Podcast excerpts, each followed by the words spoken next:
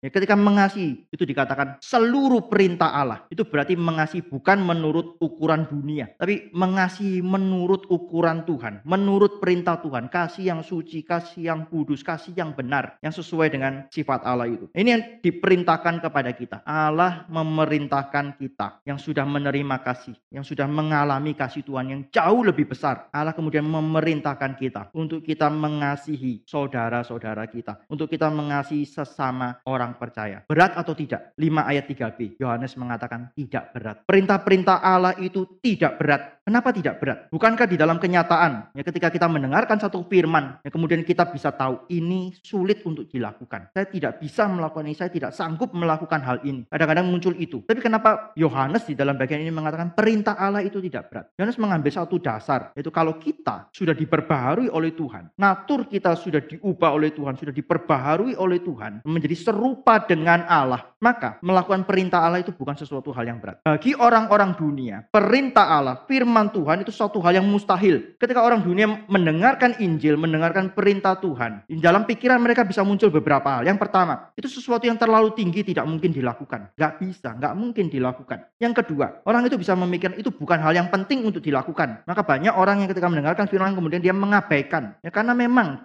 hatinya itu tidak bertobat. Ya, tidak ada persekutuan dengan Tuhan.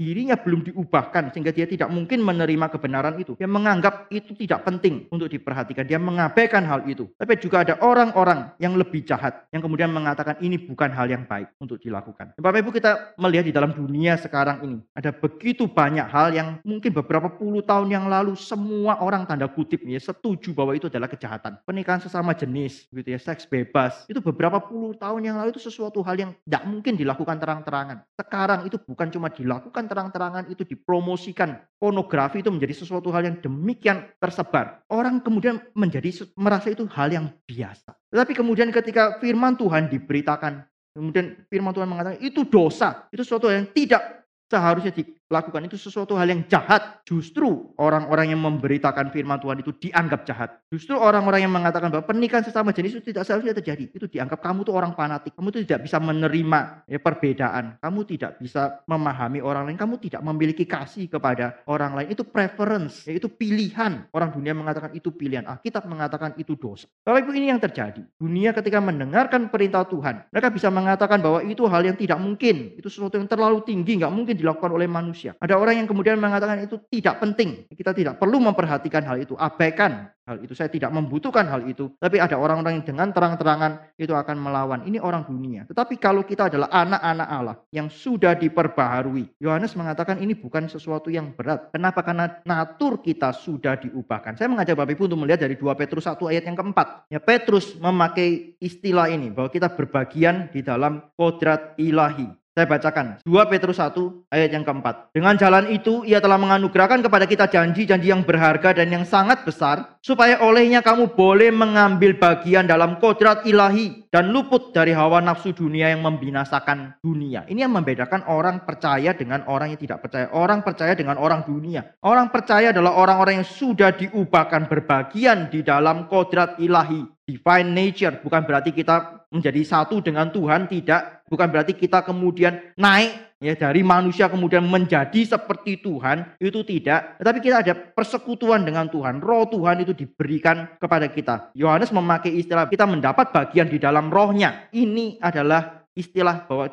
kita, natur kita sudah diperbarui, kita semakin serupa dengan Allah. Kalau kita semakin serupa dengan Allah, maka perintah Allah itu menjadi kesukaan bagi kita. Perintah Allah itu tidak menjadi sesuatu hal yang berat bagi kita, justru menjadi kesukaan bagi kita. Ya, ketika saya katakan kesukaan bukan berarti kita selalu menginginkan. Belum tentu, kadang-kadang mungkin kita tidak ingin. Belum tentu itu menjadi satu hal yang mudah bagi kita untuk kita lakukan. Belum tentu juga bahwa kita bisa sempurna melakukan setiap kehendak Allah yang dinyatakan kepada kita belum tentu. Tapi bukan berarti itu adalah beban berat, kesulitan bagi kita. Tidak, itu tetap adalah satu kesukaan. Kenapa kita masih bergumul? Saya katakan karena kita masih di dalam tubuh dosa ini.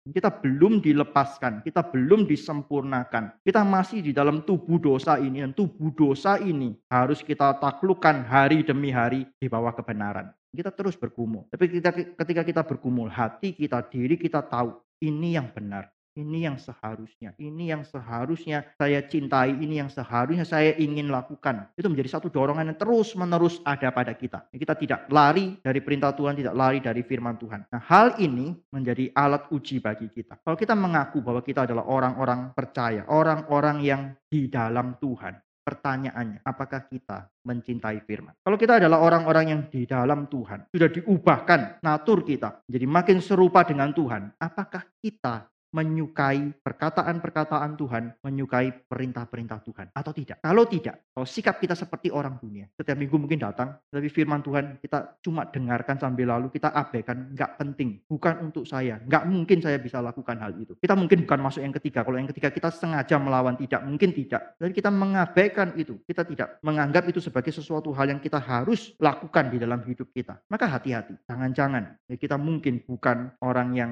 di dalam persekutuan dengan Bapa dan Anak. Kita mungkin bukan orang yang sudah diubahkan. Orang yang diubahkan makin serupa dengan Tuhan pasti juga makin mencintai firman Tuhan, makin mencintai kehendak Tuhan karena dia tahu itu yang menyenangkan Tuhan. Siapa kita, Bapak Ibu? Maka kita adalah orang-orang tebusan, orang-orang yang diubahkan oleh Tuhan, sehingga kita mengasihi Tuhan dan juga mengasihi orang-orang yang dikasihi oleh Tuhan. Atau kita sebenarnya adalah orang-orang yang mengaku Kristen, tetapi mungkin kita belum sungguh-sungguh hidup di dalam persekutuan dengan Bapa dan Anak. Kiranya Tuhan boleh menolong kita memeriksa diri kita. Dan kiranya Tuhan juga boleh menolong kita bertobat. Ya, kalau ada hal-hal yang perlu kita akui di hadapan Tuhan. Ada hal-hal yang perlu kita tinggalkan. Perlu kita lepaskan. Kita harus berani lepaskan. Untuk kita bisa datang mendekat kepada Tuhan. Dan kita boleh ubah oleh Tuhan. Diperbaiki oleh Tuhan. Disempurnakan oleh Tuhan. Sehingga pada hari Kristus datang kedua kali. Bukan teror yang kita alami. Tetapi kita menanti-nantikan waktu itu.